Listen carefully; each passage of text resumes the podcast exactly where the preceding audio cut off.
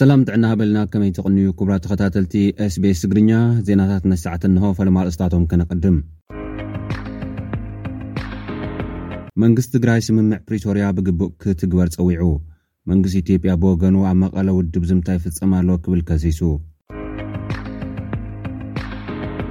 ኣብ ክልል ኦሮሚያ ዘሎ ውግእ ናብ ዝኸፍኣ የምርሕ ምህላዉ ተገሊጹ።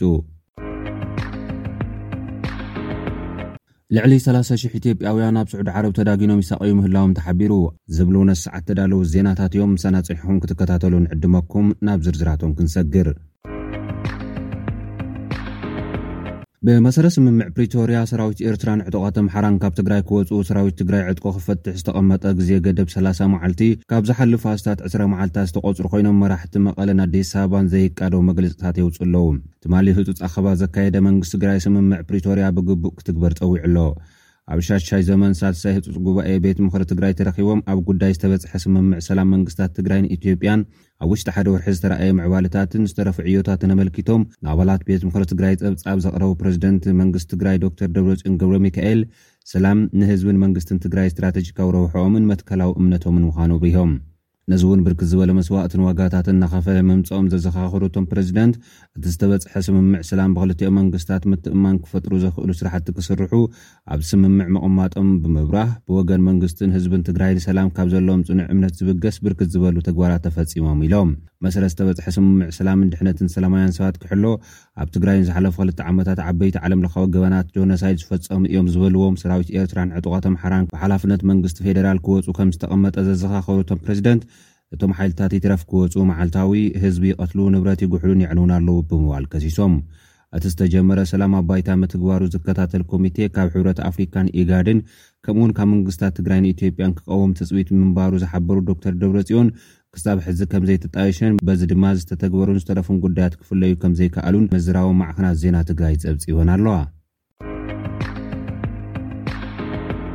መንግስቲ ኢትዮጵያ ብወገኑ ኣብ መቐለ ውድብ ዝምታ ይፍፀም ኣሎ ክብል ከሲሱ። ድሕነት ህዝቢ መቐለ ክሕለው ይግባእ ክብል ኮሙኒኬሽን መንግስቲ ኢትዮጵያ ኣብ ዘውፅኦ መግለፂ ሓቢሩ ኣሎ።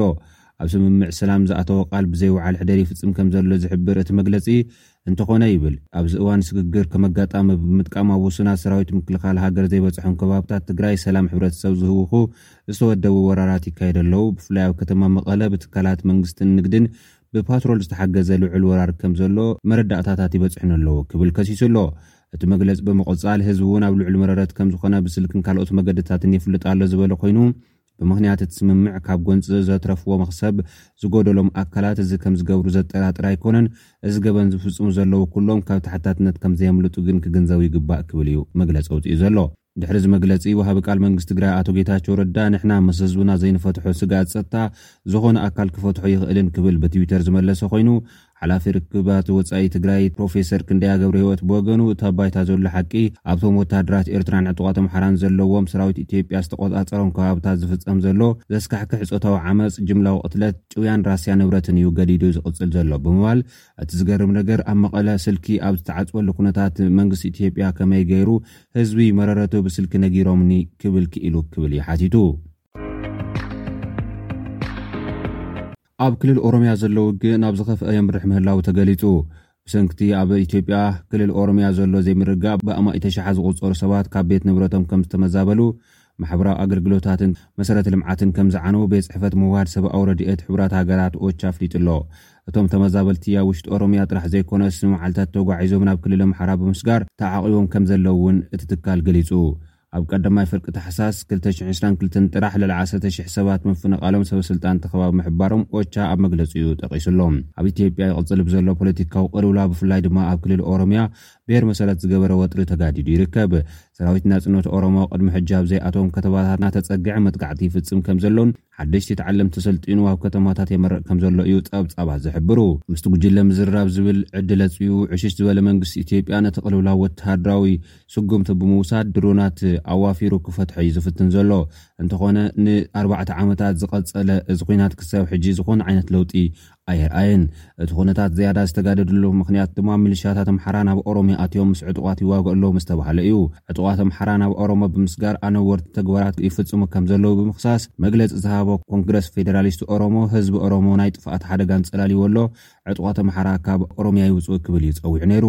ኣብ ትግራይን ኦሮምያን ሓዊስካ ብዙሓት ክባብታት ኢትዮጵያ ዝተፈፀሙ ህልቂታት ተሓታቲ ብልፅግናን ተሓባበርቱን እዮም ዝበለ ኦፌኮ፣ ውዳበ ልምዓት መንግስታት ምብራቕ ኣፍሪካ፣ ኢጋድ፣ ሕብረት ኣፍሪካ፣ ሕቡራት ሃገራት፣ ሕብረት ኣውሮፓ ኣብ ኦሮምያ ንዝካየድ ቃልሲ መሰል ዓርሰ ምክልኻል ክድግፉ እዩ ፀዊዑ።